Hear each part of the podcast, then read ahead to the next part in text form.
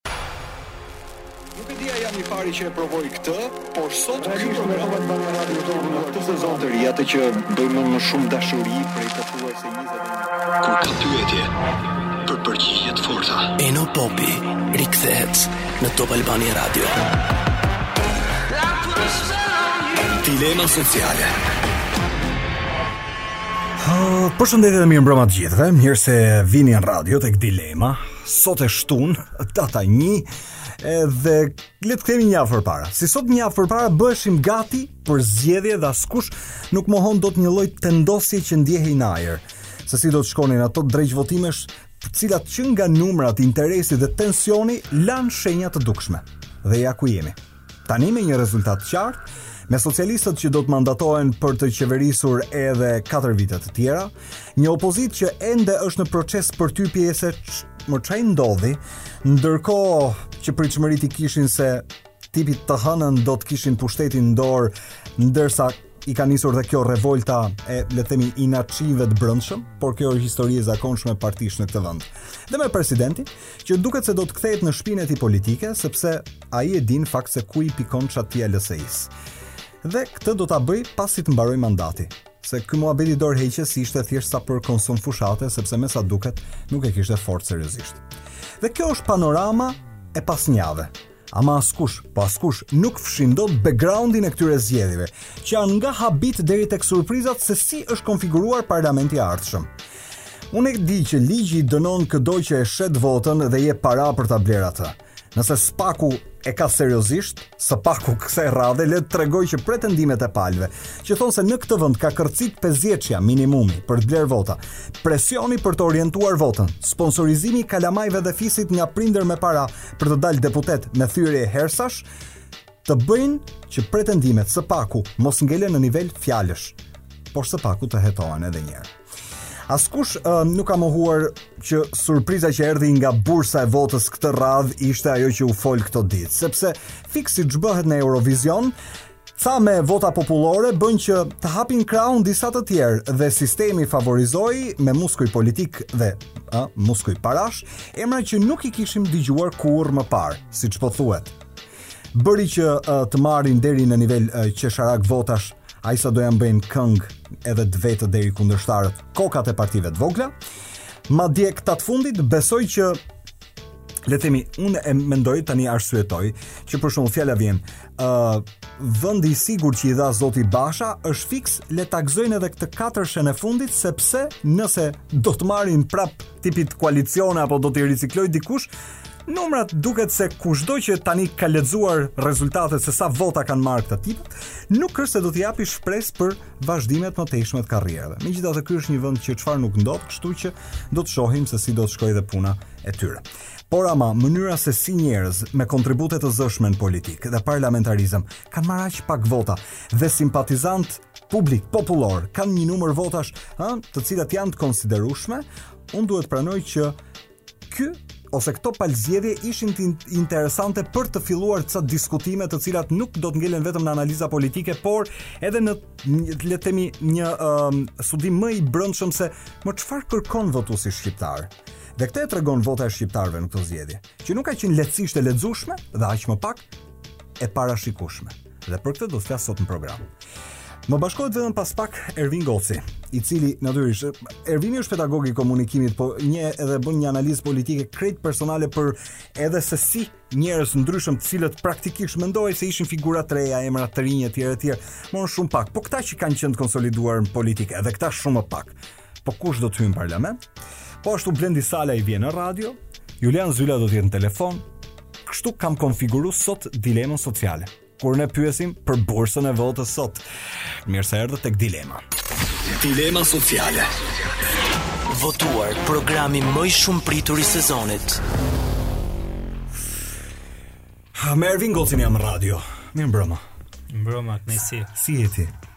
Mirë. Ça ndjesie pas zgjedhjeve?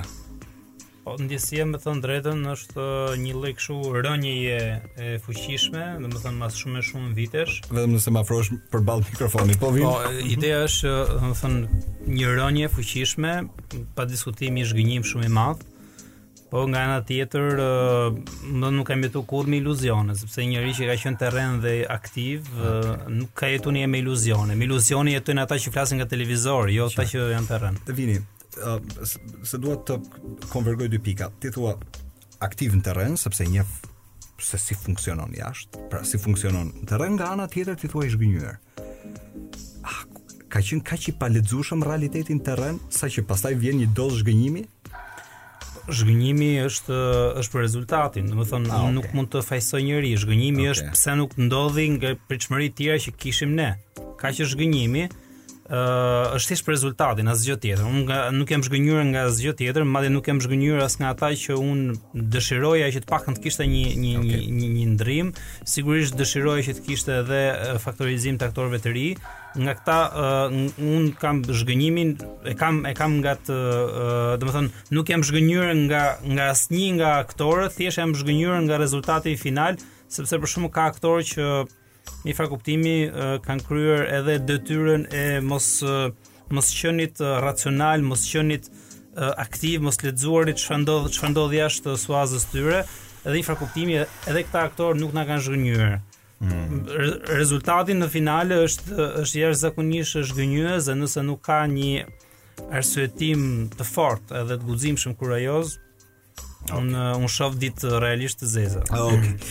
Shiko, vijmë te një diskutim i cili kam përshtypjen që tani po i merr vëmendjen gjithë dhe ka qenë temë e diskutimit të hënë të martë mërkurë, sidomos kur filloi nga, le të themi, e marta leximi i votës nominale ose i votës shifrore, por që mbas shifrë numrit ishte individi.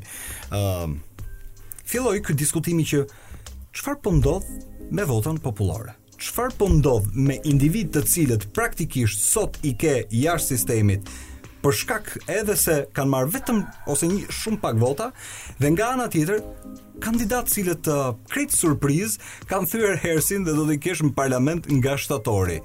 A ka qenë edhe kjo pjesë e surprizave apo edhe kjo pjesë e zhgënjimeve? Ku klasifikohet jo, jo. kjo? Jo, jo, zhgënjim është kuptimi për çmimet, nuk ka lidhje fare me këtë. Qartë. Ë uh, un uh, domethënë zhgënjimi mbaroi me me këtë pjesë. Me pjesë. Tashi ecim, flasim uh, për gjëra të tjera. Un uh, mendoj që tek uh, ky model uh, i ri që kemi parasysh një gjë që Këto janë shpikje, janë shpikje të bëra në mënyrë konjunkturale, si e si për të marrë një rezultat final i cili do nxirrte sigurisht Ramën kryeministër. Domethënë ishte ishte e gjitha një skemë. Sepse po të shohësh me kujdes, ne nuk duket sikur kemi pas zgjedhje, por sikur është bërë një kampionat, ha? Reali, Barcelona, ku ta di unë, okay. Në, sikur kanë qenë ekipe të rreshtuara. Ky është ky është problemi i parë. Problemi i dytë është se këta u futën në luftë lojë njëri me tjetrin. A, problemi i tretë është që këta nuk punuan më për subjektin, po punuan për vetën e tyre. Pra gjithsecili artikulir për vetën e tyre. Dhe problemi i katërt është që gjitha kjo luftë që i iku subjektit politik përfitim përfitimin në fund e merr partia. Është kur kam uh, bërë një intervistë me uh, kryetarin e KQZ-s zotin Celibashi, pyetja ka qenë direkte. Pra praktikisht pse ligjvënësi solli mënyrën se si ligji uh, elektoral ishte që nëpërmjet votës nominale që kishte shumë njerëz që donin votën nominale, pra donin zgjidhin kandidatin. Partia nuk i pëlqente fare. S'kishte pse fare që partia të përzihej në preferencën personale, meqë futën emrat. Por emrat reflektoheshin me numra. Më tha automatikisht vota e individit i shkon dhe votën e i shkon dhe partisë. Po. Thashë qenka kjo formë që partinë e paske në ofertë. Mm -hmm. Pra mund të votohej partia jo kandidati, por nëse votohej kandidati pa partinë, partia e merrte votën. Ë uh, po, Domethënë ideja është pra këtu. Pra fuqizimi i partisë në çdo rast. Patjetër, po fuqizimi nëpërmjet një mjeti që nuk është një investim i partisë, se me këtë rast partia ç'a bën domethënë? Për shkak sepse mesazhi politik copëtohet në 100 kandidatura okay. dhe në profile personale në portrete njerëzish okay. apo qoftë edhe në për persona të cilët kanë ato influenca të tyre, pra okay. gjithsecili fillon dhe vëmendjen e lëshon dhe e e, e, e var tek individ, uh, për për mua në këto zgjedhje ka vdekur subjekti uh, politik totalisht. do thonë ju edhe edhe përpara, po po të shikoni me kujdes, domethënë edhe edhe përbërja e njerëzve, ata që ishin partiakë, dhe ishin njerëz që ishin investuar në parti, që kanë dhe artikuluar në një mesazh të madh, që dhe janë lidh pak identikisht me me me me me të majtën apo me djathtën apo ku ta di unë, janë zhduk. Janë zhduk, një pjesë e madhe janë zhduk dhe uh, pasojat janë që Do të thosh që zoti Pandeli Majko kishte bërë një status ku thoshte kaq ishte ika tani. Ore, kaq ishte... Se dikush e nxori, kam përshtypin që, ok, nuk e ka bërë Ervin Bushati, po me për llogaritje nuk do jetë pastaj. Në fakt... Që kanë ca njerëz që ti i ke pas eh, tradicionalisht në parti, po ke të rinj që ke të rinj që do futen pastaj. Në fakt, në fakt... Siç ishte rasti Ornaldo uh, Rakipit, Në fakt zoti Majko nuk iku, thjesht e hoqi sistemi dhe pra, e hoqi sistemi. E hoqi sistemi, nuk iku, nuk është se dha dorëheqjen. Ai normalisht momentin që u vua atje në limit, kur dije që ishte 18-19-a, dhe e pranoi si gjë, do të thotë që në fund fare u zvarrit atje dhe tha të paktën të jem deputet, pra një njeri karriere në në në parti, ë tentoi të merrte thërrimen, thërrimen që i dha Rama dhe edhe atë thërrimen nuk e mori dot, çka tregon në fund fare për profilin politik dhe për peshën që këta individë kanë nesër te partia, ku është vetëm një individ që vendos dhe ca horra që Dhe megjithatë Vini, ktheu pak nga ana tjetër, domethënë në le të kalojmë krahun tjetër. Si ka mundësi u kuptua se sa për shembull politikanë të cilët kanë parti dhe tentojnë që uh, kur shkuan në koalicionin me zotin Basha që kanë partitë e tyre të vogla, që thonë që kemi atë peshën zgjedhore etj etj, befas në rezultate kanë dalë në mënyrë nuk di ç'të them.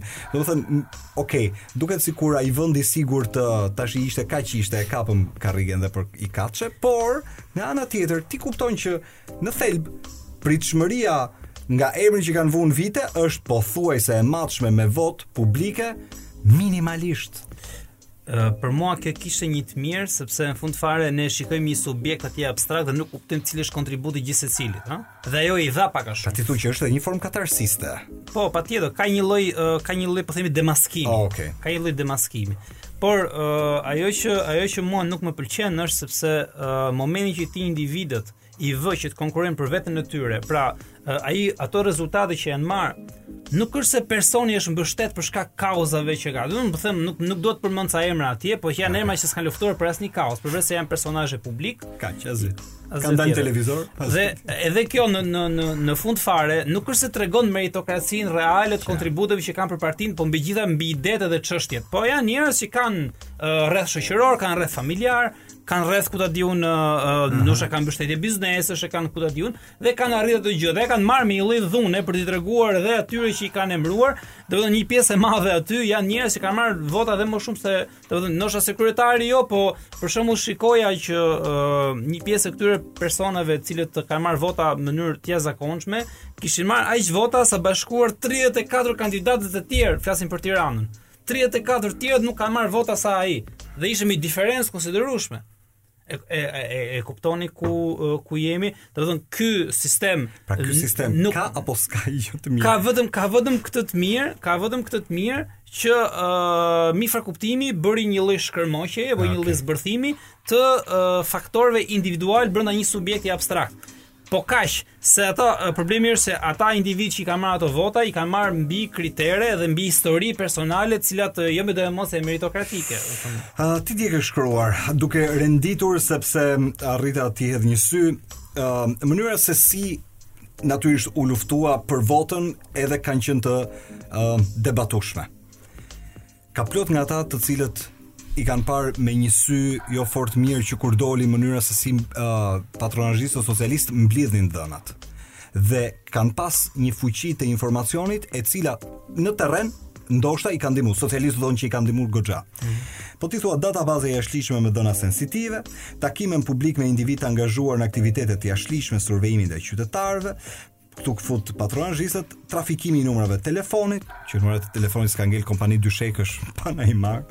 Disbursimi trafikim kam parasysh ata i kanë përdorur për të na marr 1 2 3 4 5 herë, jo trafikim në sens që i kanë marr si numra dhe i kanë deleguar. Dik diku tjetër. Mm -hmm. Disbursime parash në kohë fushate, të vonuara pa asnjë arsye tipit befas u hap thesi. Tërmeti, tërmeti shpëtuan tërmeti.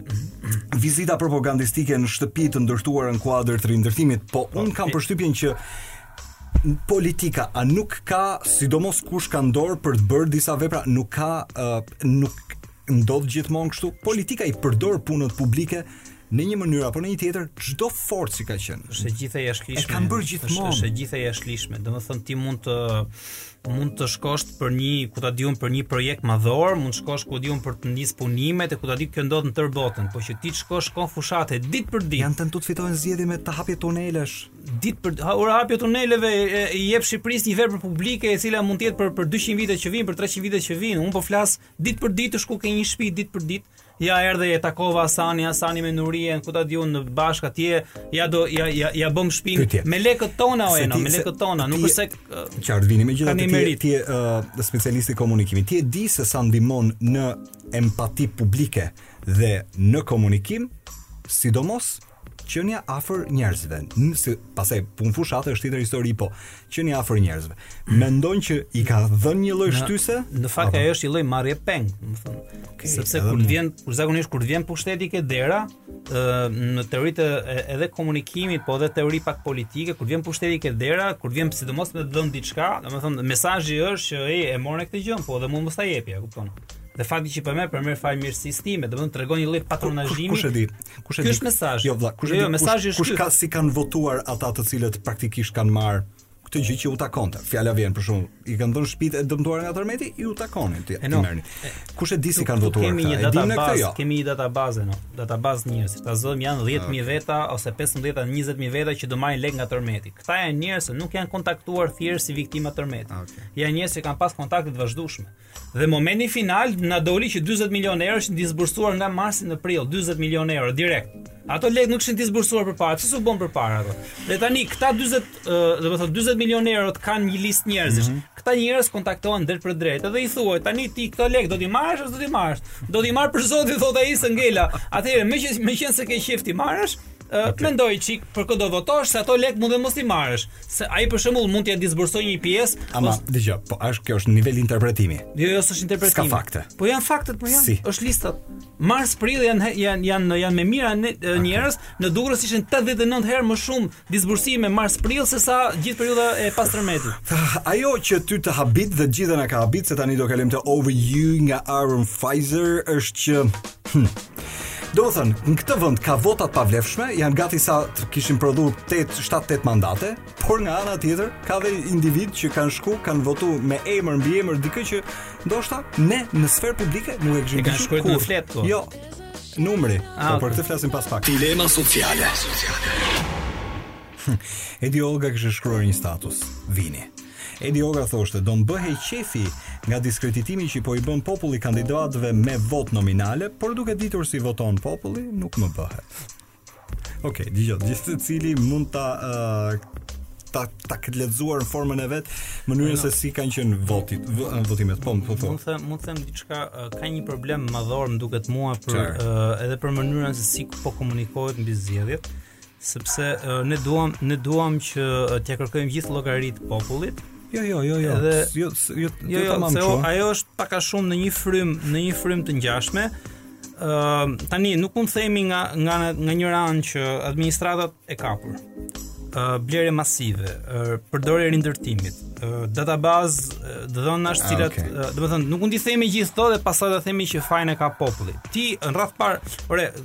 Sot vende po humbin betejën me demokracinë vetëm me propagandë online. Jo më të hysh me gjithë këto mekanizma. Ka një problem bota sot me me me propagandën online dhe ka luftra, ka legjislacion në Europë sot që merret vetëm me këtë gjë, propagandën okay. online. Në Europë është shumë e theksuar, po dhe në Amerikë, që do të thotë, që do të thotë që cila është cila është teza e kësaj? Teza e kësaj është këtu, nëse populli nuk është i lirë, Populli nuk ka mundësi të mendojë. Për aq kohë sa nuk ka fakte, të cilat mund të jenë fakte të që unë janë të gjitha faktet. Jo, jo të vini. Kur flas fakte të cilat mund të pretendojnë, pra do ket gjithmonë më shumë zëra që do pretendojnë një fiksim të rezultatit apo një ndikim të rezultatit, pjesa tjetër, pastaj është e gjitha interpretueshme. Kur flas fakte, për shembull, gjithmonë kur flitet për uh, blerjen e votës, t'i nxjerrin ca fakte, të shkojnë, t'i hetojnë dhe të kuptojmë që realisht ky sistem diku ka çalu për shembull fjala vjen me akaparimin e votës. Pastaj mund të jetë uh, një sërë argumentash të tjerë, por kjo mbetet për të parë. Ajo që unë dua të të vendos ty përballë është si ka mundësi që ne kemi mbi 80 uh, e ca mijë fletë votimi të pavlefshme dhe prap gjithmonë kemi një votus të paorientuar që ka prodhu këto fletët e pavlefshme, por kemi dhe një votus shumë të qartë që ka shku dhe ka nxjerr Emra surprizë që kanë thy herësin. Ëh. Mm -hmm. Ma shpjego pra, janë pra votus votus. E kuptoj shumë mirë. Ëh, uh, sigurisht do gjithë secila të ka atë shpjegimin e vet. E para punës uh, ky ky format i votës çonte drejt gabimit. Kjo është e padiskutueshme, okay. sepse kishte shumë informacion brenda, kishte shumë uh, grafik të njësuar, ku ti mund të gaboje shumë kollaj, pa diskutim që që është kjo, por kemi parasysh që votat e pavlefshme i shpall një autoritet në Shqipëri ku janë dy partitë e mëdha është edhe LSI-ja. Okay. Jan janë tre, është establishmenti. Ne nuk e kemi një autoritet, një burokraci të mirëfilltë të zgjedhjeve që të vendosi se kush e pavlefshme apo kush jo. Ku e di unë për shembull që ta zëm, në qoftë se dikush i bën bën partinë, bën kandidatin, po pa dashje bën bën dhe një dhe një kandidat poshtë, ndërkohë partia dhe kandidati lart mund të jenë të vlefshme, ajo mund të marrë interpretim sepse dikush mund të thotë kur ky e ka bërë partinë dhe kandidatin dhe mund t'i ketë shpëtuar stilolapsi, të ketë bërë një shenjë ku ta di unë. Pse ta shpallin të pavlefshme? Mirëpo kjo do një autoritet të pavarur që ta vlerësojë. Okay. Dhe, kurse këta i kanë rënë shkurt, kjo okay. kaloi këtej, kjo kaloi këtej, mos thënë që ca i kanë plotësuar vet. Dhe kështu është. Pra, pra, problemi është burokratizimi, ne neve na mungon burokratizimi, na na mungon administrata zgjedhore. Administrata zgjedhore merret vetëm me këtë punë. Okay. Ha, ky është ky është problem uh, jashtëzakonisht uh, shumë i madh. Interesant, në Amerikë kanë uh, të konsoliduar dhe nuk është nga këto që uh, thjesht uh, grupohet apo formësohet në periudha para ose pas proceseve. Është fikse gjithmonë. Megjithatë, vim pak tek uh, pjesa tjetër. Për shembull, një kandidat i pavarur, Boiken Abazi e ka pas këtë pretendim. Ai thotë që e kanë djeg votat e pavlefshme. Ka qenë ka qenë shumë kollaj sepse uh, ku ta di unë, ë uh, ta zëmë mjafton mjafton që një fletë një fletë votimi t'i shtosh t'i shtosh edhe një kryq një vizë edhe një vizë okay edhe ajo ajo ajo mbaron po rezulton për shembull që që për për të thënë të vërtetën dhe për të qenë koherent dy tre video të ngjashme kanë qarkulluar jo jo përveçse janë plotësuar kështu me dorë që që Do thon rezulton që ka votu dhe Bojkeni 13 në fund me emër uh -huh. dhe 9-ën që është PD-ja lart. Tani 13-a me 9-ën i ndaj një gjysmë metri, se aq ishte fleta, fleta ishte një 2 metra. I ndaj një gjysmë metri distancë. Tani ky ka votu këtë që e shikon dhe me emër. Sa i thosh është numër dhe Po si kjo është e interpretueshme pra. Prandaj po them. Jo, jo, është e interpretueshme, po mundësia e gabimit është shumë më e madhe te 12-a, 13-a midis Partisë Socialiste po them edhe edhe Bojkeni se mund të shpëtojë dora, se sa nënta me 13 ku është edhe emër dhe ka një gjysmë metri distancë. Tani pse, pse mos quajmë për shembull që ka qenë një votues i pa uh, të shofim, i pa informuar, ose një vot janë... një votues që ka dashur votë gabimisht. Nëse janë disa dhjetra, ah, okay. nuk ka diskutim që ato janë gabime. Po, po, po. nëse janë ca qindra dhe ca mijëra, kjo s'është më gabim. S'është më gabim. Vini, ëm, um, gjithmonë më shumë. Prandaj duhet hetimi.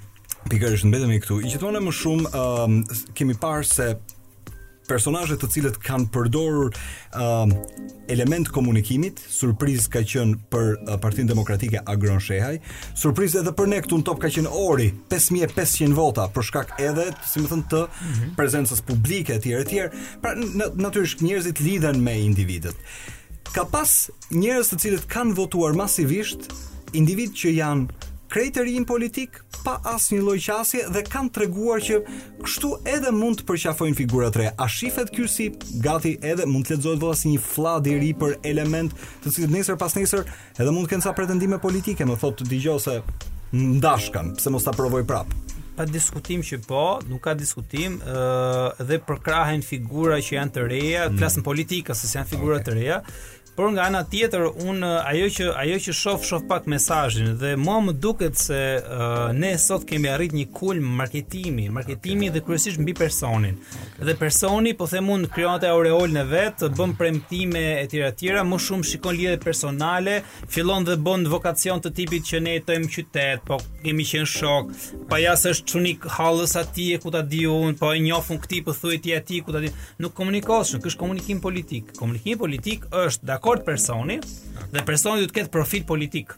Profil politik që ka disa ide fikse, ka një ka, ka disa pikpamje, lufton për lokalin dhe për kombëtaren, sepse deputeti e dim shumë mirë që është njeri që ndjek pak politika lokale, por mbi të gjitha do të jetë njeri i stërvitur për uh, politikat kombëtare, për ligjet për tjera e tjera. Dhe ne këtë nuk e shohim. Dhe këtu ka sigurisht ka një lloj ka një lloj degradimi. Unë për veten time po të isha nuk do isha nis nga ideja që kush ka marrë më shumë vota, tani t'i japim uh, atij shumë fuqi sepse mvaret si ka marrë ato vota. Ta zëm aty ka figura që janë anonim uh, totalisht, janë njerëz që nuk dinë as të flasin shqip, që kanë marrë uh, kulme votash dhe nëse ata janë investime të së ardhmes, uh, unë për vetë jam i shqetësuar se nuk e di se ç'mund të sjellin ata në politikën shqiptare. Nuk besoj ndonjë gjë pozitive. Ke frikë që filloi një sistem tani më? Ë pa diskutim që sistemi i ngjashëm i cili me ë zgjedhjet që do të vinë, e do të vinë, e do të vinë, mund të modifikohet apo mund të perfeksionohet, po befas na u instalu një sistem i ngjashëm.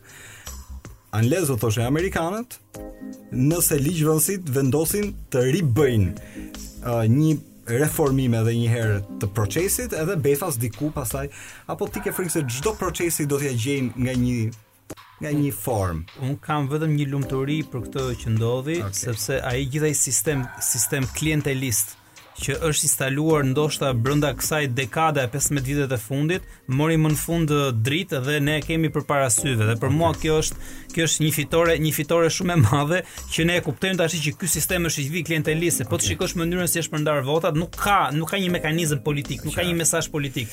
Dhe uh, e thënë kjo, uh, cila është antidoti domethënë i, i, i, i kësaj gjëje. Unë mendoj që gjithçka do varet nga subjektet politike dhe sa sa politik është një subjekt. Sepse nëse një subjekt ka një program, ka struktura, ka një filozofi, ka një ka një mesazh, ka një ë uh, po them unë një përkatësi të ndershme dhe përkatësi bazuar mbi besimin, unë jam shumë i sigurt që çdo subjekt politik okay. në në du, duke e parë që sistemi jep mundësi për deviacione, okay. do bëjë disa zgjedhje shumë të fuqishme që Edhe ta çojë mesazhin te publiku, po dhe mos ta degradojë subjektin. Vini ti do qëndrosh, se vetëm pas pak unë thras Julian Zylën në telefon. E di pse, sepse kam një pyetje finale për të dy. Unë e kuptoj që në çdo vend gjehet një formë për ta ë uh, pra, nuk ka zgjedhje të pandikushme.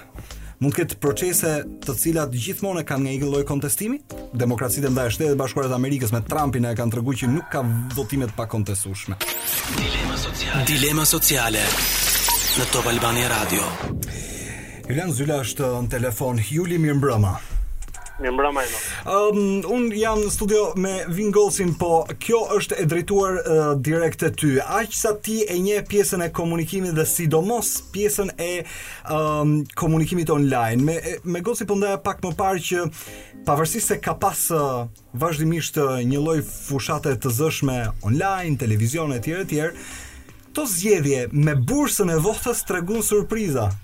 Treguan që jo gjithmonë kjo pjesa e fushatimit ka ndihmu për të shku tek votusi. Votusi befas ka nxjerrë dhe njerëz që as i kemi dëgju kurrë. Sakt. Uh, unë do të zgjeroja logjikën që ti po përdor uh, edhe me elementin e, e dy partive kryesore. Ëh. Uh -huh. Edhe e kam thënë edhe në uh, një pjesë tjetër të, të mediave uh, të topit, uh -huh. top mediave në në emisionin e zonjës Vasili, uh mhm. -huh. që ndryshimi këtë herë vihet re edhe te fakti që Partia Demokratike kishte zbuluar në nivele të reja për uh, për këtë, domethënë për këtë subjekt politik, komunikimin uh, në mass media, pra në mediat e komunikimit të masës. Okej. Okay. Ndërsa atë që kuptova ishte që Partia Socialiste si zakonisht duhet thënë në fakt, ishte përqendruar tek organizimi. Pra, tek një tjetër lloj komunikimi që është komunikimi i drejtpërdrejtë. Pra nuk është se nuk jemi më në komunikim, por është uh, organizimi është pjesa e komunikimit drejtpërdrejt të fushatave. Pra në qoftë se kemi në njërën anë uh, komunikimin me anë të spoteve, me anë të uh, mesazhit politik drejtuar një mase të madhe apo të targetuar sipas grupmoshave apo për gratë mm. komunitete të ndryshme.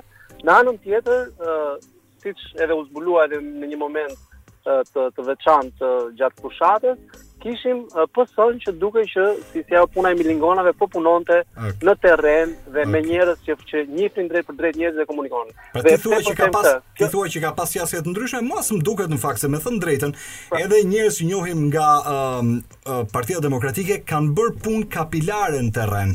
Okej, okay, pastaj kjo është e diskutueshme, jemi në situatën ku ka pretendime politike, ka ca zëra brenda PD-së thonë s'do i njohin fare zgjedhjet, ka të tjerë që e pranojnë rezultatin dhe thonë tani ç'a të bëjmë më mirë. Domethënë ka një lloj uh, mënyre se si i kanë si e mendojnë atë rezultatin, por gjithsecili ka pas formën e vet. Ama më thua që sot jo detyrimisht edhe mund mos dalësh në ekran, edhe mund mos kesh jehonë publike, por mund votohesh. Është kështu? Pikërisht, dhe ajo që po po thoja, në fakt është pikërisht kjo, që ashtu si këto siç të bëra diferencën midis dy partive, e njëjta logjikë vlen edhe për kandidatët. Pra ka kandidatë që mund ta kenë bërë fare ose aspak pjesën e komunikimit me anë të uh, mass mediave dhe kanë investuar komplet në strategjinë e komunikimit të drejtpërdrejtë. Dhe gjëja më interesante Eno është fakti që edhe në studime të uh, komunikimeve që janë më efektive, mm -hmm. rezulton që komunikimi më i efektshëm është komunikimi drejtpërdrejt. Do të të jap një shembull shumë të thjeshtë.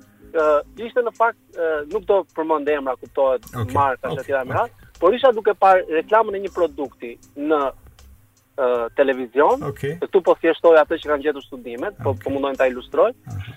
Dhe isha me prindërit e mi dhe për atë produkt, meqenëse unë e kisha provuar, u thashë prindërve të mi, ë uh, ky është produkt Karso, mua s'më pëlqen fare, e kam provuar, kam qenë shumë i pakënaqur, mm -hmm. dhe do doja të mos isha në rrethanat ku të më duhej ta konsumoja sërish.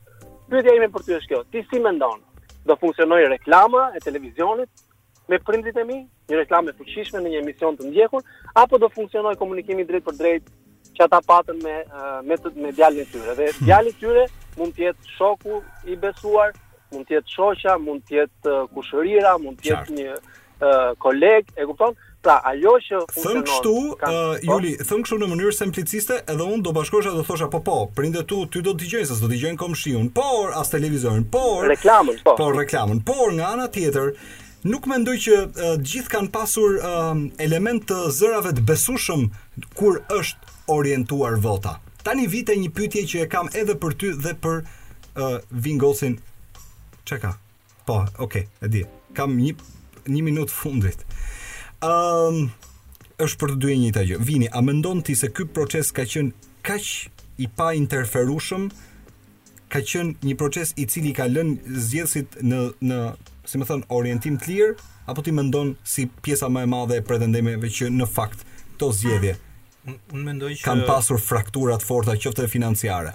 Unë mendoj siç e thonë dhe rezultatet që shumica e, e domethënë Shumica e votave janë përcaktuar nga marrëdhëniet direkte dhe për arsye që s'kanë lidhje fare me komunikimin distancë. Pra, nuk është subjekti që i komunikon audiencës apo publikut, po okay. janë ja, është komunikimi drejtpërdrejt, i cili ka qenë në shumë nivele, besoj besoj nuk ka qenë në nivelet e ndikimit në kuptimin e mesazhit, okay. po shikohet që ka qenë në nivelet e ndikimit tek ku ta di unë tek një nder, tek një favor, tek një marrëdhënie emocionale, afërsie, farefisnie, krushqie, ku ta di unë, domethënë vetëm vetëm me komunikim politik s'ka pas. Pra, orientimi i zgjedhjes ka qenë kështu. Pa, po. Juli, kjo është për ty po aq e vlefshme, sipas teje. Ë, uh, jam shumë dakord. Mhm. Mm jam shumë dakord me me, me logjikën e, mhm. e Vinit. Mhm. Mm dhe është pikërisht ajo që po thoja që U konfirmua efekt, efektiviteti më i madh i komunikimit të, të drejtpërdrejtë dhe uh, por këtu dua të bëj një një okay. hap mbrapa duke thënë që nuk është nuk është se po themi këtu që komunikimi në mass media nuk ka rëndësi apo fushata më e mirë e Partisë Demokratike në krahasim me vetveten 2017-ën nuk ka sjellë rezultat. Se në fakt e pamë që PD-ja gjithsesi pati një rritje të madhe, Uh, por, uh, sërish, kur i beson shkencës së organizimit të fushatave, Eno, okay. ti e di, unë jam në komunikim politik dhe jam në komunikimin masiv. E di. Por ajo që u them shpesh edhe klientëve të mi, edhe jashtë Shqipërisë, uh, ka qenë pikërisht kjo që unë mund të shkoj deri në një farë pike, okay. por komunikimi në mass media ka limitet e veta dhe të jep rezultat deri në një farë pike. Unë të falenderoj shumë. Po, po patjetër, patjetër. Ti je kështu, në qoftë se mas media të më bëri përshtypje që mas media e lidhi me PD-në, domethënë do të thotë që vetëm PD e ka përdorur ndërkohë që partia tjetër ka përdorur forma forma të tjera, më bëri shumë përshtypje kjo gjëja. Edhe fakti është në qoftë se domethënë mas media nuk nuk po na komunikon gjë për mua, hajde t'i mbyllim të paktën ose ama thotë që këto media le t'i përdorin vetëm për reklama. dhe mos t'i përdorin për mesazhe politike se këta qenkan kot. Ama dhe janë kot. Ama nëse ka pas një vend ku janë përball opinione, mendime, uh, gjithsecili ka thënë zërin e vet, ju të dy e dini ka qenë media. Po, s'ka vend tjetër. Uh, Eno, po. nëse mund ta sqaroj uh, Vinin, uh, të, të pak nëse kuptova uh, saktë uh, pikëpyetjen e tij. Okay. Uh, nëse kishte me atë që po thoja unë, unë nuk unë jam pikërisht i kësaj fushe dhe nuk po them fare këtë gjë. Okay. Por e mora PD-në për shkak se mund të bëhet një krahasim lidhur me fushatën e saj 2017, ndërsa Partia Socialiste ka përdorur po aq komunikimin në media, pra partia fituese, ndoshta dhe më tepër, por është një gjë që ka bërë dhe në 2013 dhe në 2017. Ndaj iu referova PD-së sepse kemi një një investim më të madh për nga Partia Demokratike në komunikimin në mass media. Unë ju falenderoj uh, të dyve. Natyrisht Juli faleminderit që ishe në këtë moment të fundit të programit në telefon, të uroj natë të këndshme. Të na ishte në faleminderit. Si gjithmonë Vini faleminderit që erdhe në radio. Unë e vlerësoj gjithmonë sa herë ti vjen. Ëm um, ky program vazhdon. Vjen Blendi Salaj, qëndroni aty. Mirë se u rikthyet në program. Më është bashkuar në studio Blendi Salaj, i cili sot bën plot 42. Përshëndetje. Okej. Se ti e di si Ah, u rregullua kjo. ti e di si presim në radio. E kuptova. Shive- Jo, s'më shkoi mendja fare, me thënë të drejtën. e- Nuk, nuk më takon të sillja tortë me qiri. Jo, Po këtë happy pa problem. birthday to you em dëgjo, kam përshtypjen që ty ta kanë kënduar që në mëngjes, njerëzit e shtëpisë apo që mbrëmë. Është po, është e vërtet. Ah, okej. Është e vërtet vetë- vetëm që e, habitem se po të kisha qenë unë në vendin tënd do të kisha bërë të njëjtën gjë, por si duket s'më shkoi mendja. Shiko refleksi. Edhe ishte radios. ishte surprizë, po pra. Re- Refleksi i radios. Një moment thash me vete ta lëm gjallë, pastaj thash Ah, ja, e boll është. Boll është. Ëm, Se jam 42 dreqë jam këta ke parasysh janë. E lëm me kaq. Ah, si nga këto çunat që e fsheh moshën. Ja, po çfarë fsheh? Do ta marrim vesh, të dhënat personale i kanë të gjithë, kështu që. Patronazhistët. Apo jo. Po duan i futen. Ajo e di. Patronazhistja ime e di. Po, e kam harruar emrin e saj, duhet të jetë një vajzë mirë, nuk është se kam ndonjë kështu. Ti nuk pate, um, kjo është shumë uh, personale pyetja. Ti nuk pate një tentativë, një shtyrje nga gjithë uh, Nga gjithë um, ky trendi publik që t'i marrim t'i demaskojmë ne këta. Ëm ehm, uh, këta patronazhistët e po, po, jo nuk e po, nxoj, jo jo jo jo. Tentua, jo sepse tentuan shumë syresh një moment mua në fakt m'u duk absurd, mm. thashë me vete tani duket uh, si kështu hakmarrje që Po sepse shiko, e no, unë mendoj që ajo kupton ti ajo pjesë ishte pjesa më budallaqe e gjithë ah, historisë. Okay. Do të merreshe me patronazhistët, uh, ishin këta njerëz që, okay, janë përgjegjës në ku di unë tani për të mbledhur informacione të tjera. Por nuk ishin nuk ishte ai problemi. Problemi ishte nëse këto të dhëna kanë dalë nga serverat e e-Albanias. Pra nëse të dhënat e mia personale janë janë në qarkullim pa të drejtë. Nëse këta janë të zotë t'i mbledhin me stilolaps të shkojnë shkallë më shkallë, ajo është punë e tyre. Edhe edhe partitë tjera mund t'i kenë. Besoj që. Po, por kur ti hyn në sisteme shtetërore që si, supozohet të jenë të sigurta dhe ku qytetari hyn për të marrë, ku di unë tani, certifikatat që i duhen të aplikojë për një biznes, taksat e veta, tatimet e këto gjërat, Ato duhet të jenë sekret. Blend, uh, ndoshta ju në programin tuaj të mëngjesit në A2CNN mund të keni investiguar mbi rastin, pra mund të keni gjetë njerëz të duhur ti e di çfarë ndodh në mm -hmm. programet e aktualitetit, njerëz të njerëz të duhur për ta kuptuar ka ndodhur realisht. Si si të rezulton? Në fakt ka ndodhur realisht kështu? Ëh, uh, Se mendoj që deri tani jemi në nivel uh, ende supozimesh. Po pikërisht, po në fakt kjo është një pyetje për do, do duhej të ishte një pyetje për prokurorinë që të merrej me këtë dhe të shikonte se Qartë. si ai server përfundoi aty ku përfundoi. Ka dhe një problem tjetër. Ë uh, u bë dhe një dëm shumë i madh në mënyrën se si u trajtua. Ah, okay. Fatkeqësisht. Ë uh, sepse nuk duhej, nuk duhej publikuar i gjithë databaza, siç okay. Lapsi e bëri e hodhi online. Okay. Ti mund të thoshe që hey, okay. Partia Socialiste ka këtë databazë ku edhe bën screenshot-e dhe tregon shiko siç tregon për shembull për Andi Bushatin. A nuk a nuk u bë një një një sport publik gjithë njerëzit vdisnin kishte po. plot nga ata që uh, me sa dinë dijeni qarkullonin uh, se mund, domethënë, mund t'i çojë numrin e kartës po, dhe ta nxirrnin po, po numër ID-je vetëm për të kuptuar që po. uh, ashtu e mora vesh unë me, me screenshot ma çuan WhatsApp jo më se unë s'e kam vetë databazën do duhet ta kisha tani se çdo yeah. hajvan e ka por uh, mund okay. e ke mund mendoj se si mund ta përdorësh ja domethënë mamin e dikujt nëse do t'i dish yes, emrin yes, ta shash okay. siç duhet po lirisht mund gjëra pa zarar mund të më fusësh te hajvanët sepse një moment i thashë dikujt a ma sjell çik gjithë databazën të shoh gjithë shokët Se dikush ma solli. E paske. Jo, seriozisht ma solli. Në WhatsApp të lutem. Okej. Për një uh, ditë të vështirë. Ka publicitet. Rikthehemi pas pak me ne është Blendi Salaj në radio. Dilema sociale. Votuar programi më i shumëpritur i sezonit. Dominic Fike në radio ti thua, "Okej, Po ky Akoma. Nuk u ngop ky njeri.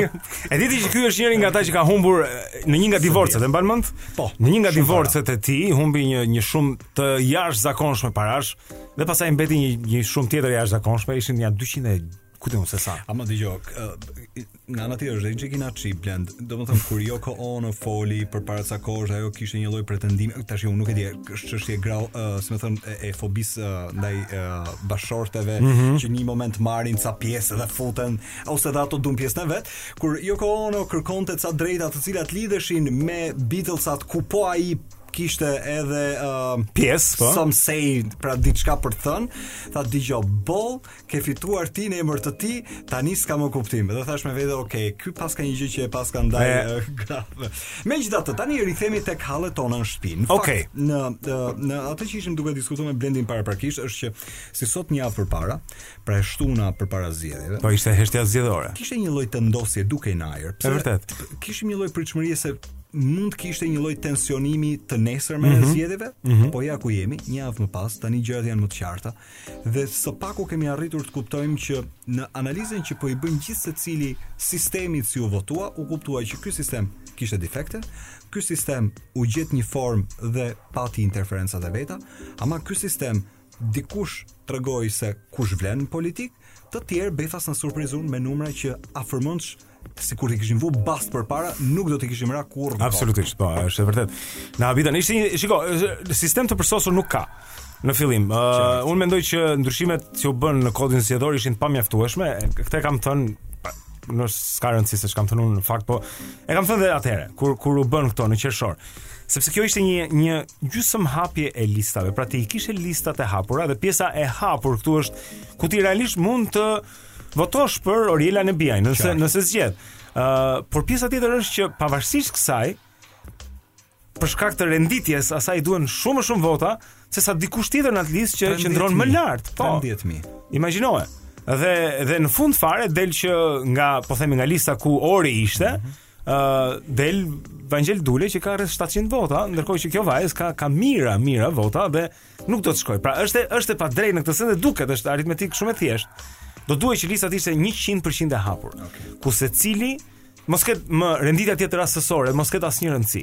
Pastaj thjesht bëjmë një renditje sipas kush mori më shumë vota. Okej, okay, tani vijmë tek uh, një arsyetim meqë ti përmende rastin e Orit, unë me kolegë këtu brenda kemi diskutuar vazhdimisht se si mundet të shihet si gati edhe si rast studimor uh, qasja e njerëzve që kanë një background mm -hmm. dhe mhm. vetas bën Bën një jump, pra bën një kërcim politik. Ajo i ka 5500 vota për shkak të dashurisë që mëngjesi ofron, për shkak të vizibilitetit, për shkak të uh, personazhit publik që është, apo për shkak se duket një vajzë tërheqëse dhe politikisht mund të shihet si një kandidaturë e mundshme mm -hmm. ose mund të shihej si një deputete e mundshme probabilisht. Ku qëndron? Si me thënë, tani kam përshtypjen se le të heqim mënjanë emrin, por le të marrim personazhin. Qartë, qartë. Në raport me votën. E kuptoj. Shiko, për në rap, po uh, mendoj që mund të jenë pak nga të gjitha ato mm. që që përmend ti. Të thuash që televizioni s'e ka ndihmuar, nuk e thua dot, patjetër. Okay. E ka për të por, por a është vetëm të qenit prezent në televizion mjaftueshëm? Po themi uh, Petrit Vasili është mjaftueshëm në televizion apo Monika Kryemadhi është mjaftueshëm në televizion apo shumë njerëz të tjerë që morën morën rezultate zhgënjyese kanë pasur gjithë aksesin ndoshta po ta marrim në një mënyrë edhe më shumë se Ori, sepse ajo ka qenë e kufizuar në okay. në një stacion dhe në faqen e saj kurse këta janë kudo në darkat në andej këtej dhe prapë nuk morën vota, kështu po që shpjego Agron Shehaj. Agron Shehaj me, me, me një me oh. me një uh, um, prezencë televizive shumë të ulët, gati minimale, por ama me një dashuri popullore të përkthyer në votë gjithmonë. Shumë popullor Shumë popullore. Të dukshme. Po. Domethënë ne na u treguan dhe, dhe ne e dimë që s'i ka vjedhur. Dhe ne e dimë që s'i ka blerë në në në rastin e këtij zotrie, se për të tjerë okay. mund të hedhësh dyshime, mund të okay. mendosh shumë gjëra, po ë uh, shiko, ai ka besueshmëri tek publiku. Ka qenë shumë konsekuent me me gjërat që ka thënë, nuk nuk ka thënë diçka që s'e ka bërë apo bërë diçka që s'ka thënë se do ta bënte. Lënd, uh, edhe një herë, merr me veten. Ti del po. përditë në ekran, mund të ishe ti, është po. ai. Po. Ai ka ato numra, fjala vjen Ori jonë ka këto numra. Domethënë, vizibiliteti jo gjithmonë ndihmon, numrat tregojnë diferencën. Është vërtet. Do, shiko, ë uh, Agron Shehaj është një njeri i pasur i cili e ka treguar se si i ka bërë paratë e veta okay. në mënyrë të ndershme dhe kjo është për t'u përshëndetur dhe për për t'u respektuar, për t'u marrë shembull do të thosha gjithashtu, ka pasur edhe para të paguajë për fushatën, ka hedhur para, domethënë mm. sepse i ka. Edhe kështu që edhe kjo e ka ndihmuar, por unë mendoj që mbi të gjitha është se për publikun shqiptar është tharë syri për modele të pëlqyeshme në politikë. Ne i shikojmë politikanët uh, me skepticizëm dhe mendojmë për ta gjëra që nuk ua themi në sy, domethënë ka një farë hipokrizie kurse te ky person njerëzit kanë një shikojnë diçka tjetër. Dhe mendoj që kjo e ka ndihmuar. Është një model tjetër që ndoshta na duhet. Vijmë tek një element që ti e përmende. Hedhja e parave. Mm -hmm. Investimi në fushatë s'e pengon dot. Pra gjithsecili do të hedhi qoftë edhe ë paratë në mënyrë si i ka. A, nëse do të ketë një le të themi një lloj forme të hetimit se si vijnë dhe cilat janë burimet e financimit, pastaj këtë le ta bëjë SPAK-u. Por një gjë e kuptojmë që para janë hedhur. Patjetër. Pra gjithsecili, si me thënë, ka ndiku tek për votën e vet. Po patjetër. Shiko, ky është A nuk të vjen, si mm -hmm. ta vetëm ta ta domethënë ta sjell si pyetje, a nuk mendon që të paktën edhe në mënyrën se si është bërë gara, duket sikur për shumë është e pabarabartë? Paraja është një problem në fushatat elektorale uh, në vendin tonë patjetër, por edhe në Shtetet e Bashkuara të Amerikës, po ta zëmë. Unë me ty kam vendosur të flas me emra. Ornaldo Rakipi. Ornaldo Rakipi është një emër që u bë është si këta të përputhen, domethënë që u bë i famshëm brenda brenda natës, kam përshtypjen. Mm. Edhe nuk e di vetë për çfarë. Eksakt. Kështu që dikush kishte kërkuar në Facebook mm -hmm. dhe ishte most popular 24 last 24 hours. Pra më, si me thënë, një nga kërkimet më të zakonshme 24 po. orë. Sepse edhe njerëzit orë kanë thënë kush është ky që po flasin të gjithë për këtë. Okay. Pra, uh, ky uh, ky person është është i birit i të atit të vet, siç jemi të gjithë uh, bijtë e baba uh, baballarëve tanë okay. dhe ka patur mbështetjen e të jatit, kuptohet, në fushatën që ka bërë kamëshime në Rrogozhinë, ku kanë votuar shumë. Kavajë Rrogozhinë. Tregojnë që që është familje e cila uh, për shkak se i ka kushtet financiare ka ndihmuar mm -hmm. në zonë e ka miqësira e ka bërë ndere ku di unë se çfarë, pra dhe ka shfrytëzuar tani gjithë këtë, ka mobilizuar gjithë atë vendin atje për të votuar për këtë person. Pra e kanë udhëhequr votën, si thua, po, s'ka asgjë. Në mënyrë varet se si e shikon, domethënë në varet se si e shikon. Shpjegove, unë nuk e shoh asgjë të keq. Jo, deri këtu, jo, deri këtu jo. Ë, uh, çështja është që Ata e tepruan çik, se paskan qenë, paskan qenë me merak, domethënë që ta të japin shumë vota dhe tani kapërcen dhe figura që janë intelektualë, që mund të jenë mjekë, që mund të jenë inxhinierë, që mund të jenë ku di unë tani jurist apo politikan të njohur edhe me kontribute dhe vjen ky zotri i ri, ah, okay. 26 vjeç sa është, okay. ku di unë se çfarë dhe kapërcen gjithë. Dhe kjo, kjo nuk ka ku të rri. Domethënë dhe ngre pyetjen, ore si ndodhi kjo? Ore kush është ky? Edhe si si arriti të marrë 14000 vota si pyetje. A është dhe këtu pastaj ne po presim për të shku diku tjetër, po a është kjo një formë e cila mund të shërbejë si precedent për zgjedhjet e ardhshme. Mund të ketë po aq fëmijë të pa tjetër. Uh, prindërve. Ti Narcos e ke parë apo jo? Pjesën ku ai zgjidhet deputet shumë. Kam pa dhe gomorë. Populli e don ta atë. Kam pa dhe gomorë. Populli e don ta. Kam pa se si vendosnin uh, njerëzit uh, po. befas për kryetar bashkie dhe i thoshin që ti kemi, i ke votat e zgjidhme. Po. Dëgjo, po kjo është tjetër histori. Unë ajo që jam duke thënë është për një realitet të mundshëm që probabilisht mund ta kemi pastaj, mm -hmm. që mund të kthehet në një precedent ku të tjerë mund të vendosin njerëz të familjes, fëmijët e tyre për të çuar politikisht njerëz që nga pas kanë një background ekonomik që i ndryshëm që mund të jetë. Kjo ndodhi, mendoj mjaftueshëm, po, ndodhi mjaftueshëm. Edhe në këtë fushatë. Okay. Ndodhi mjaftueshëm, domethënë ka ka shumë raste ku ke fëmijë biznesmenësh, okay. të cilët garuan, edhe për shkak se duhen para. Dhe dhe dhe Ëh, të gjithë forcat kam përshtypjen kur të ftojnë për të për të bërë fushatë, bisedojnë dhe për para. Nuk e di, mua s'më ka propozuar ndonjëherë njeri që të të bëj fushatë, kështu që por mendoj që edhe paraja është është pjesa e saj, dhe kur këta kanë dhe partitë kanë nevojë, dhe partitë kanë gjithmonë nevojë për para se fushata kushton, nga sa duket, atëherë ata janë të mirëpritur. Dhe kush e ka babin, po themi, me një biznes të madh të këtij lloji apo atij lloji dhe babi shikon tek vajza apo djali i tij të ardhmen pse jo familja jonë të tani kështu kanë lindur këto edhe në në anglirat e ku di unë se çfarë domethënë para kaq e aq vjetësh dhe këto familje pastaj edhe duan të bëhen të sërës se sa do t'ia dalin Kjo varet, unë do të preferoja që të mos ishte leku i babait etaloni matës i atyre që ne zgjedhim. Unë do doja që ne të zgjedhim njerëz në bazë të integritetit të tyre, në bazë të aftësive, talenteve që shfaqin, në bazë të zërit që kanë. Ne kemi pasur njerëz që kanë dalë, kanë folur, kanë mbajtur qëndrime që nuk janë shitur për dy lekë, nuk janë përkulur për çdo çështje. Ashtu i dua unë me shpirt okay. dhe ashtu e jap. Po në anën tjetër pastaj ke një realitet ku ti shikon që parti uh, pothuajse non ekzistente kur futen në fushatë dhe mbështeten financiarisht, marrin rezultate shumë të mira, pra ka shumë njerëz të cilët e shesin. Okej. Okay. Shqipe, vetëm pas pak me ty uh, do të diskutoj se çfarë ndodh kur uh, ke personazhe politikë të cilët me sa kuptuam në këto palë zgjedhje e kishin ose u është shkruajt një datë skadence. Mm.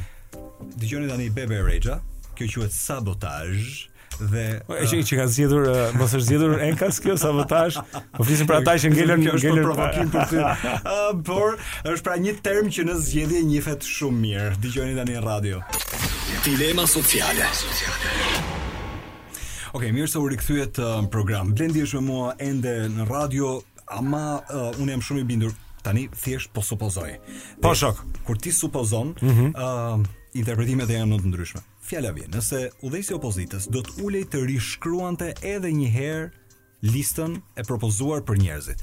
Mendon që do të kishte pas uh, një tjetër version, pra versioni 2.0 i listës, mm -hmm. do kishte qenë komplet tjetër nga ky që dimë ne? Unë unë uh, po, mendoj që do të ishte tjetër sepse kjo listë u pa se çfarë rezultati solli, kështu që Nëse do të thoshim hey stop, ke, mund ta rikthejmë kohën pas, ta provosh edhe njëherë nga e para, ta themi si tek uh, Back to the Future, atëherë ti do të bëje diçka tjetër. Mirë. Pra ti po jo? më thua, aleatët të cilët u vendosën pozita në pozicionet e sigurta fituese. Ishte gabim, ishte gabim. Mirë, okay, por uh, pozicionet e sigurta fituese, dy uh, aleatët të cilët kur ti i sheh me emra, janë njerëz që në politikë kanë vite aty. Po. Pra i kanë bë dy apo dy dekada e gjysëm. Pra janë aty se kanë qenë aty dhe ndërkohë nga ana tjetër ti kupton që mund të kenë qenë një një barrë në kurriz. Absolutisht. Mendoj se po, më unë mendoj që politikisht ishte gabim. E di çfarë uh, kur uh, kur u pa që opozita kishte humbur zgjedhjet, uh, filluan edhe disa nga komentuesit që të talleshin deri diku, edhe thoshin dhe izraelitët, e ku di unë se çfarë duke u referuar njerëzve që kanë bërë fushatën okay, okay. e PD-s nga ana e marketingut politik. Të cilët unë mendoj që kanë bërë një punë shumë të mirë. Me aq sa e njoh unë atë, të paktën pak sa e njoh mund ta gjykoj dhe mendoj që nuk kishte fare problem tek reklamat. Okay. Apo te ajo pjesë. Problemi ishte tek tek barra, tek bagazhet, ë uh, Uh, thuhet ndonjëherë që që uh, PD-ja kishte me vete. Pra ti thua te ushtarët e skalionit. Tek tek e shkuara, që okay. e cila nuk po i shqitet domethënë nga nga këmbët. Në një farë mënyrë, unë do të preferoja një parti demokratike e cila vjen Edhe kjo këtu tani po flas në terma uh, të marketingut politik apo të, po nuk po flas në terma preferencash personale politike, okay. po po them, do duhej që të ishte një parti e cila është më moderne, se sa mazhoranca është më seksi, është më e re, është më më e ndershme, është më e pastër, është më e zgjuar, është më e talentuar. Është ajo çfarë mazhoranca s'është, ndërkohë që mazhoranca është e lodhur, e korruptuar, është e vonuar, domethënë ka 8 vjet që po të lodh. Nëse është si si ti do të ndahesh nga një nga një grua me cilën je për një grua tjetër. Po kjo grua tjetër që të lësh atë që ke duhet të jetë më e mirë, domosdoshmërisht. Nuk mund ta lësh për një që s'ia vlen. Pra, opozita duhet të jetë joshëse në atë aspekt. Dhe kur vjen pastaj me bagazhe të së kaluarës, me me reminiscenca, po e quajmë uh, krijon tek ai elektorati gri, ai që nuk është i detyruar të votojë për ty, por që thotë edhe po ja jap një vit. Qartë. Për inat të Ramës, e ke parasysh se na ka mërzit, sepse e ke dëgjuar shumë këtë nga njerëzit. Dhe pastaj thotë po jo më jo se kujt t'ia jap, thotë pas. Edhe fillon një listë me emra, të cilët kanë qenë aty siç ti the prej dekadash dhe nuk është se kanë ndonjë ndonjë gjë për të mburrur. Kjo është gjëja, se ti mund të jesh prej dekadash. Unë nuk dua të them që Ej, dy dekada, pastaj nuk lejohet më dil nga politika, por nëse ke një produkt, atëherë okay, po cili është produkti i tyre, do të pyesja unë. Okay, dhe fiks pak. A kanë këta njerëz një mandat skadence, pra e kapën një katërshe, ta gëzojnë këtë që kapën. Por nga ana tjetër, mm -hmm. nëse do të ishim prapë në supozimin e një liste versioni 2.0, kam përshtypjen që do i shifej skadenca, kaq ishte mbaroi, s'ka. Domethënë, muskujt uh, e tyre, le të themi, politik Janë të dobët, nuk duhen. Po. Po, shiko, jam jam dakord, o jam që tani do të kishim bërë, unë them nuk do të kishim pasur fare, as bëhet fjalë pas 4 vjetësh, që do të propozoja sërish të njëjtën gjë, mos ka nga ata që. Mos i mbaj. Shiko çun se këta pas 4 vjetësh e kanë gjetur një formë do rri Mund të jetë, mund ashtu është, patjetër, sepse sepse mbijetues janë, por se folën për Narcos-in uh, pak më herët dhe më duket se kur fillon filmi ose ose një ose seriali, domethënë sezoni i parë ose i dyti, po në fillim ka një skenë atje me me sa që i vrasin dhe e di çfarë mbijeton gjithmonë mbi mbijetojnë thotë buburrecat. Buburrecat i mbijetojnë çdo gjëje. Dhe uh, dhe po okay, mund të ketë një mënyrë për të për të mbijetuar edhe këtë katërvjeçar. Por do të thosha këtë. Mendo për ata njerëz që kanë qenë në listë të renditur poshtë që kanë punuar gjatë fushatës, që kanë marrë vota dhe që kanë marrë mijëra vota dhe prap nuk dolën. A do pranonin ata prap të viheshin në listë, në të njëjtin vend, prap poshtë dhe të kishin prap këta mbi krye? Se këta drodhën zinxhirin në një farë mënyre. Këta ishin të sigurt. Të punonin. Okej, okay, Blendi, po sa herë duhet digjet njeriu? Po Njeriu një herë digjet, në qoftë se digjet kremohet, po pastaj futet në një vazo, po. Po, po këta janë kështu si, domethënë ka një lloj vampirizmi në politik, dua të them. Që çfarëdo që ndodh, e ke parasysh? Varet se ku flen natën, e ke po, po, konti. Po, po, po ne nuk kemi në frazën që çfarë s'na vret na bën më të fortë. Problemi është që nëse fjala vjen diçka është ciklike, pra ka një cikël të mbaruar, pse do duhet që edhe një herë historia të përsërisë gabimet e vetes. Do të dëgjoni tani në radio një nga klasiket e Coldplay. Kjo quhet Violet Hill dhe këtë e sjellim për gjithë ata që pëlqejnë Chris Martin me shokë. Coldplay, sapo i dëgjuat në radio me Violet Hill.